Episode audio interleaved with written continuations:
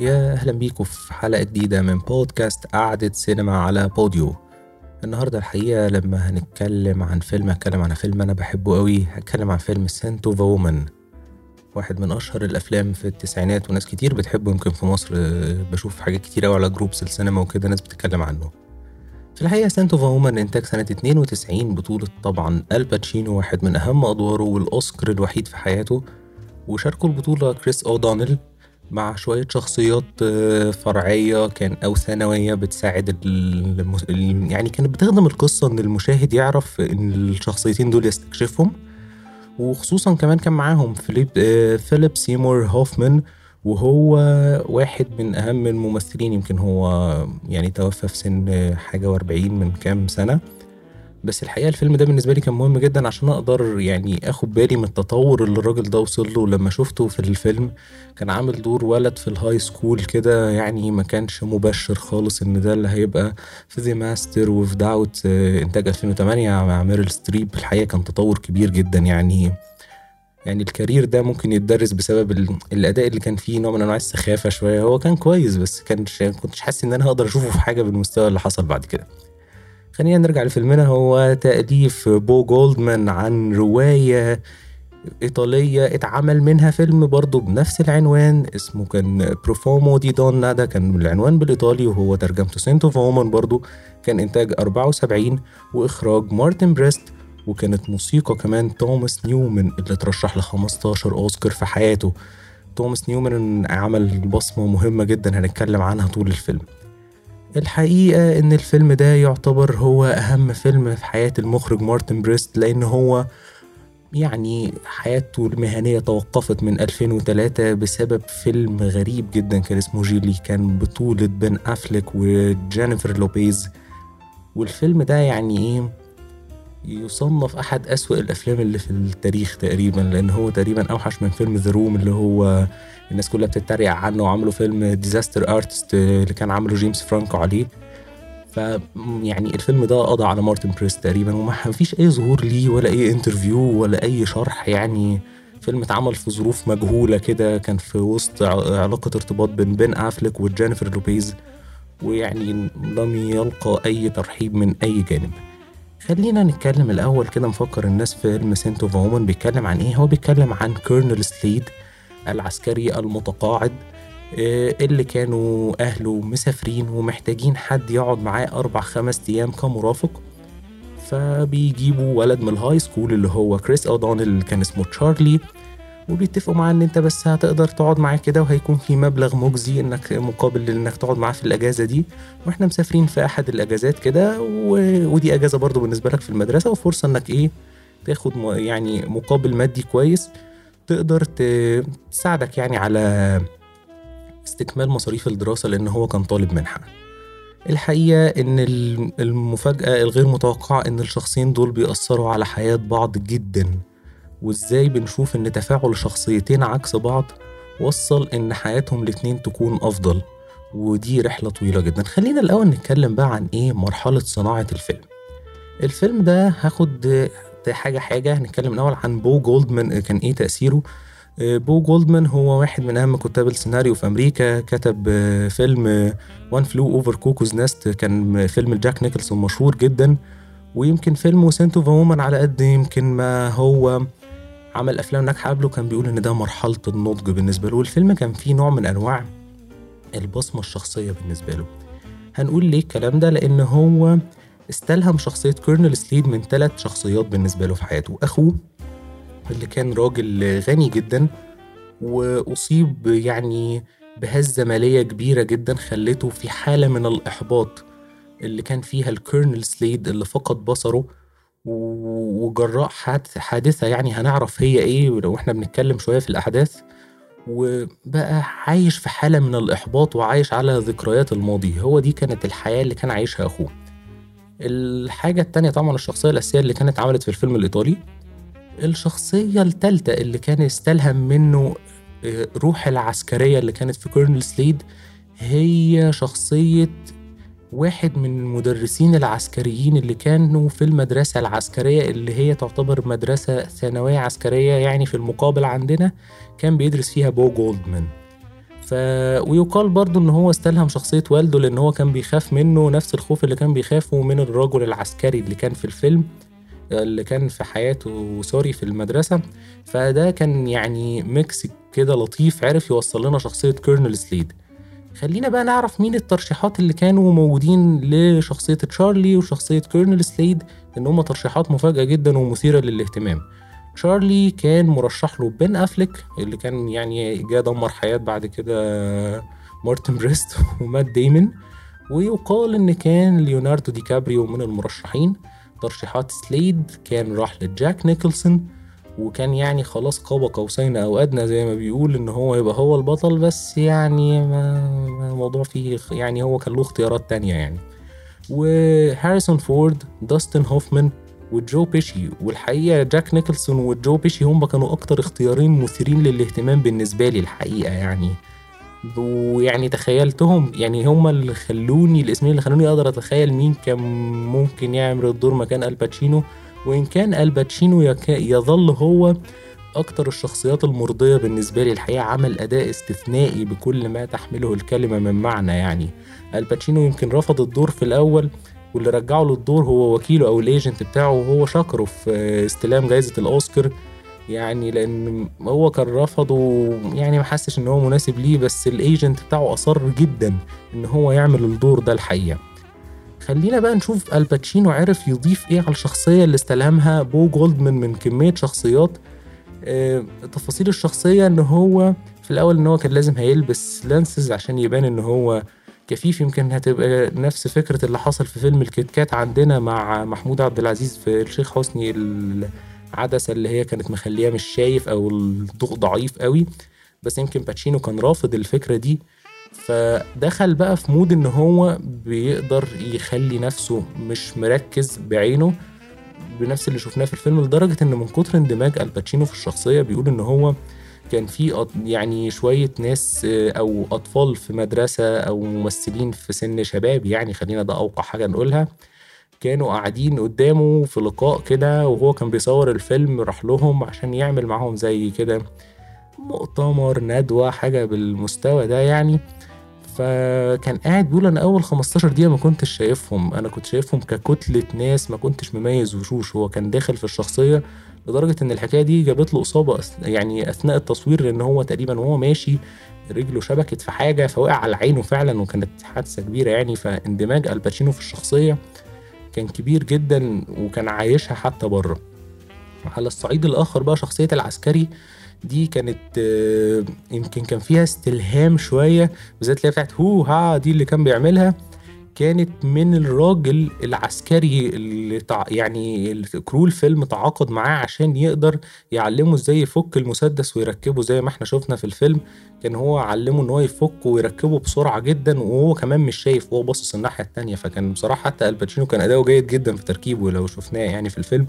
فالراجل ده كل ما الباتشينو يعمل حاجة كويسة في يوم قال له hoo-ah كده فقال له يعني إيه الكلمة دي؟ قال له دي حاجة كده كنا بنعملها في وسط تدريباتنا.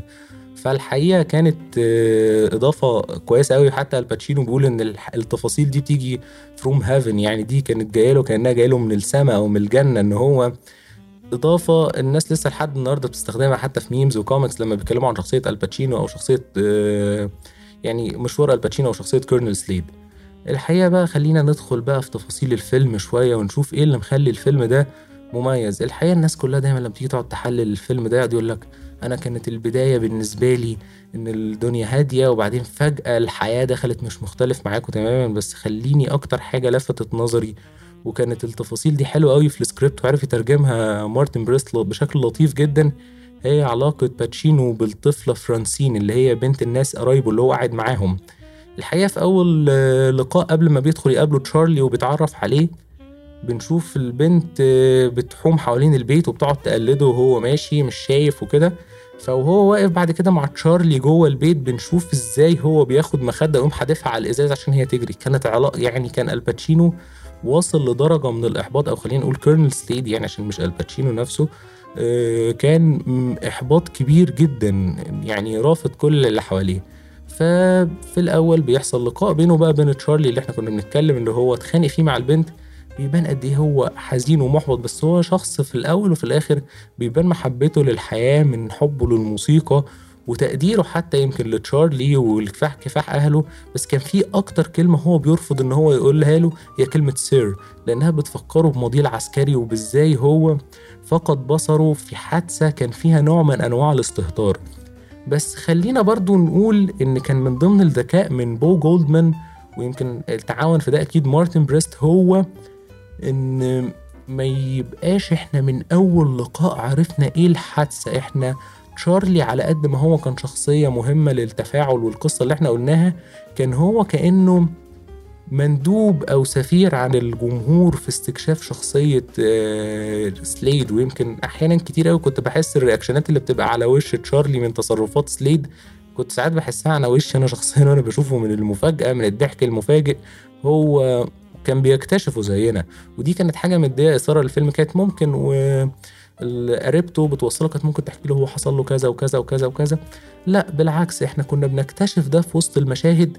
في مشهد كان عشاء عائلي كده بيشوف فيه أخوه وبيحتدم الكلام جدا بينهم وبيقوم يضرب ابن أخوه فاحنا عرفنا علاقته بالعيلة وعرفنا ماضيه. فده كان يعني ذكاء كبير جدا.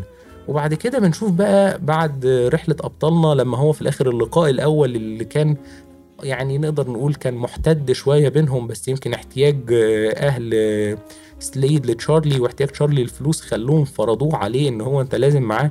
بتبدأ رحلتهم مع بعض وهي فعلا يعني رحلة بكل ما تحمله الكلمة من معاني. رحلة معاهم وهم رحلة فعليا لأن هو كان مسافر من الولاية اللي هو فيها لولاية نيويورك عشان يروح يعمل رحلة أخيرة يقضي فيها حياة يعني آخر لحظات حياته هيبسط نفسه بكل النواحي هياكل كويس هي هيشوف ستات أو يعني هيحاول يتعامل مع ستات ويمكن كان هيخش فيعني هو كان عايز يعني يقيم علاقة مع واحدة وكل الكلام ده قبل ما ينتحر في الفندق في نيويورك. يمكن الفندق ده ليه قصة لطيفة جدا إن هو كان بتاع دونالد ترامب رئيس أمريكا.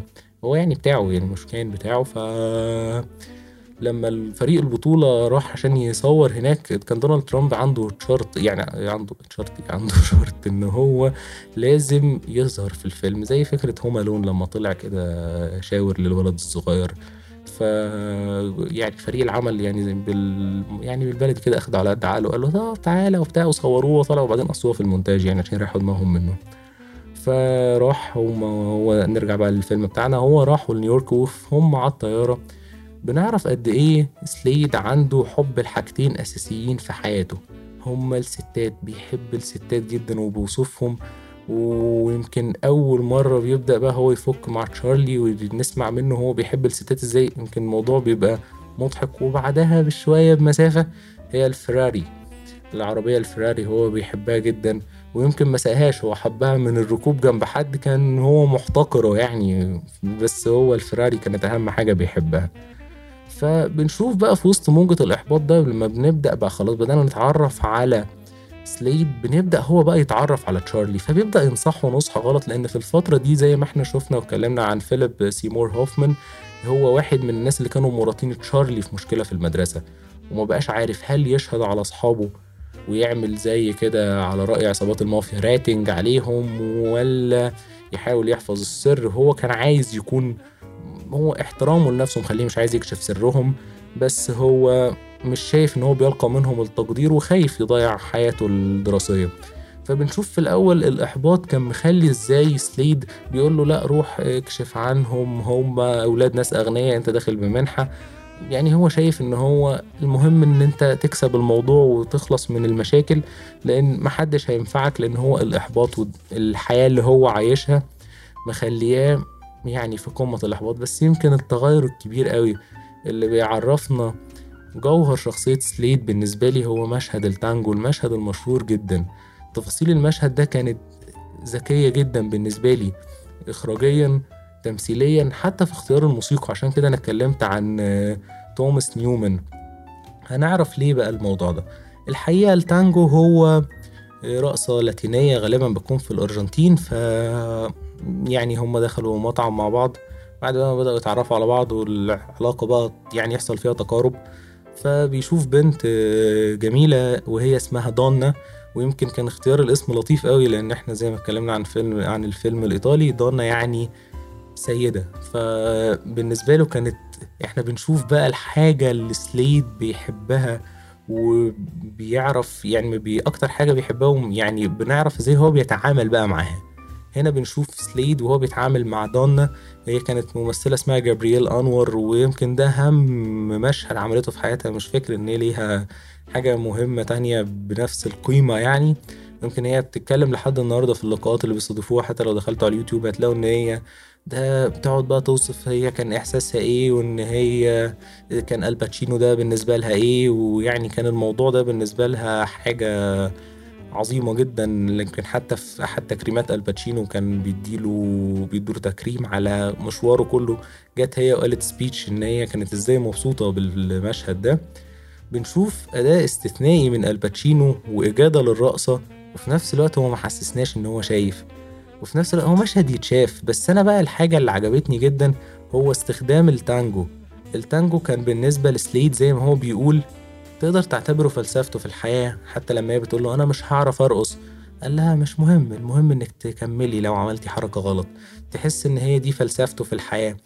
ويمكن هم رقصوا على لحن أغنية اسمها بورونا كابيزا لمطرب اسمه كارلوس جاردل واحد من الأغنية تقريبا إنتاج التلاتينات. هي حاجة من ال classics بتاعت التانجو. لو حد بيستخدم أي حد أي app بيعمل playlist للتانجو هيلاقوها غالبا في ال essentials أو هيلاقوا اسم المطرب ده. يعني أغنية مهمة جدا.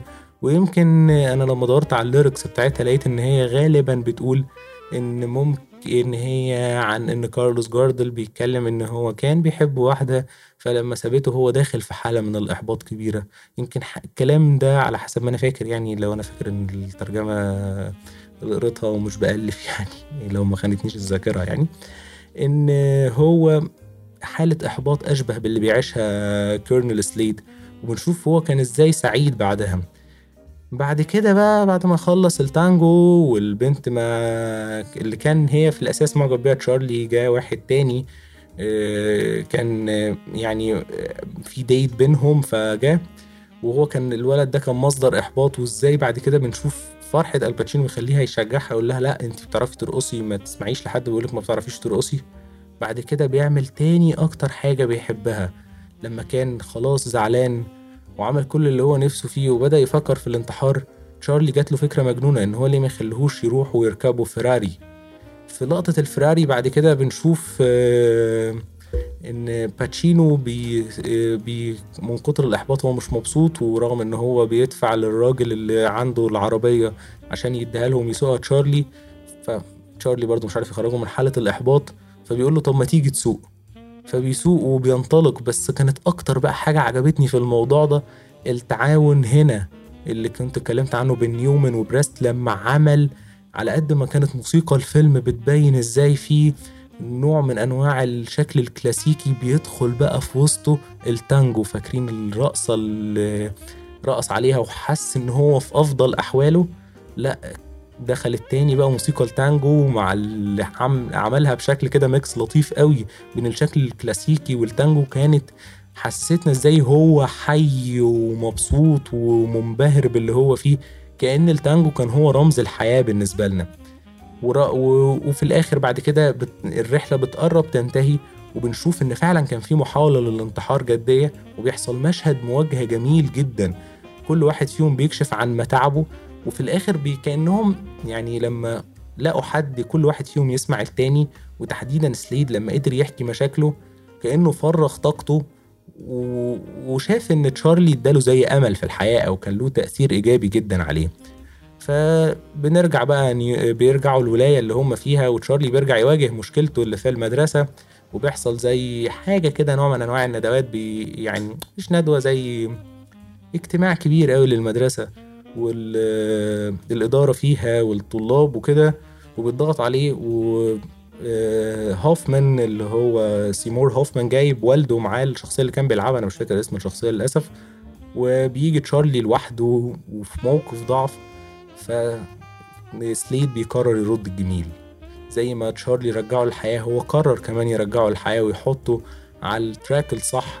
وبنشوف واحدة من أهم الخطب الحقيقة فاكرين؟ أظن كل معظمنا شافها. يعني غالبا أي حد مشترك على أي group من groups السينما على الفيسبوك أو بيعمل لايك لبيج من بتاعة السينما ال speech دي أنا تقريبا بشوفها كل يومين على ال timeline عندي. فالحقيقة هي من أكتر حاجات المشاهد الأجنبية المشهورة في مصر. خطبة بقى يعني أكيد مش أنا هتكلم عنها بس أنا كان عاجبني دلالتها إن إزاي كل واحد فيهم أثر على التاني و... ورجوع سليد للحياة وخروجه من حالة الإحباط اللي بينهم اللي كان عايشها sorry قدر يخليه يقف جنبه وي... ويوضح بقى الحاجات اللي هو مؤمن بيها. يعني بعد ما كان بيقول له اتكلم عادي ما يهمكش سيبك من كل الناس والمهم شوف مصلحتك لا بيرجع يدافع عن المبادئ اللي هو مقتنع بيها وبيقول كلام حقيقي مهم جدا وممكن ينطبق على أي مجتمع. فكانت خطبة جميلة وذكية جدا بالنسبة لي. يجي بقى مشهد النهاية اللي هو يمكن محدش بيتكلم عنه بس هو بنشوف إزاي حياة الكيرنل اتغيرت. لما بيرجع بقى وبيدخل البيت أول حد بيسلم عليه فرانسين اللي كان بيحدفها بحاجة دي وبعد ما بيسلم عليها يقول لها تعالي نقعد ونلعب مع بعض. بعد كده بترجع في الآخر تاني تدخل موسيقى التانجو. كأن التانجو زي ما قلت هي رمز الحياة وإزاي هي يعني في حالات الفرح لسليد وفي حالات إن هو بيكون مبسوط وسعيد هي بتدخل. فالفيلم حقيقة رغم إن هو ممكن مش معقد أو مفهوش back story جامدة قوي نقعد نبحث فيها بس هو فيلم كان تم إخراجه بذكاء جدا وباستخدام أدوات يمكن مش معقدة. مارتن بريست ما حاولش يعمل إبهار بصري أو ياخد كادرات غريبة أو حاجة. لأ هو بيورينا تفاعلات الشخصيات مع بعض. اعتمد كليا على أداء آل باتشينو. يمكن وأودانل اللي على فكرة كان أداؤه جيد جدا. يمكن أداؤه يعني آل باتشينو مش هبالغ لو قلت إن هو بلع الفيلم بس هو يعني أودانل يمكن ده كان أهم حاجة عنده. و... وكان عامل برضو الكارثة اللي مع جورج كلوني بتاعت فيلم باتمان وروبن وبصراحة كانت حاجة وحشة قوي بس هو معرفش تقريبا مستوى الأعمال اللي بيشارك فيها نزلت. أنا ما عدتش بشوف حاجة كبيرة قوي أو هات هو مشارك فيها فدول كانوا أهم دورين في حياته دور حلو قوي ودور وحش قوي الواضح يعني زي ما إحنا كلنا عارفين. فالأدوات اللي استخدمها واستخدام المزيكا رغم إن هي أدوات مش معقدة وحاجات يعني لطيفة بس عارف يوصل المعنى. ودي قيمة إنك ممكن تتفرج على فيلم مش معقد وبأدوات لطيفة يقدر المخرج يوصل لك يعني وجهة نظره بدون يعني فزلكة أو يزود على الجمهور. ورغم إن الفيلم مدته على فكرة مش قصيرة هو أكتر من ساعتين ونص والاستوديو كان معترض ومحدش وافق في الآخر على الحكاية دي غير باتشينو وبريست لأن هما كانوا شايفين إن القيمة اللي صوروه مهم. يمكن حتى لما راح للطيران شركات الطيران والتلفزيون قصوا منه شوية الاستوديو فبريست اعتراضا منه طلب إن هو ما يتشهل اسمه من على النسخة المقصوصة. فإحنا في فيلم بالطول ده ما حسيناش فعلا بمشكلة الوقت الطويل بل بالعكس كنا مستمتعين بالعلاقة اللي بتتطور وبتشوف إزاي كل واحد فيهم بيأثر على التاني وبيغير في شخصيته. لحد هنا خلص كلامي عن Scent of a Woman يا رب تكون الحلقة عجبتكم ولو عجبتكم بقى اعملوا share و subscribe و... و like كمان. ونقدر نتواصل ونتفاعل مع بعض على ال social media اللي في ال description. خلصت حلقتي نتقابل الحلقة الجاية. مع السلامة.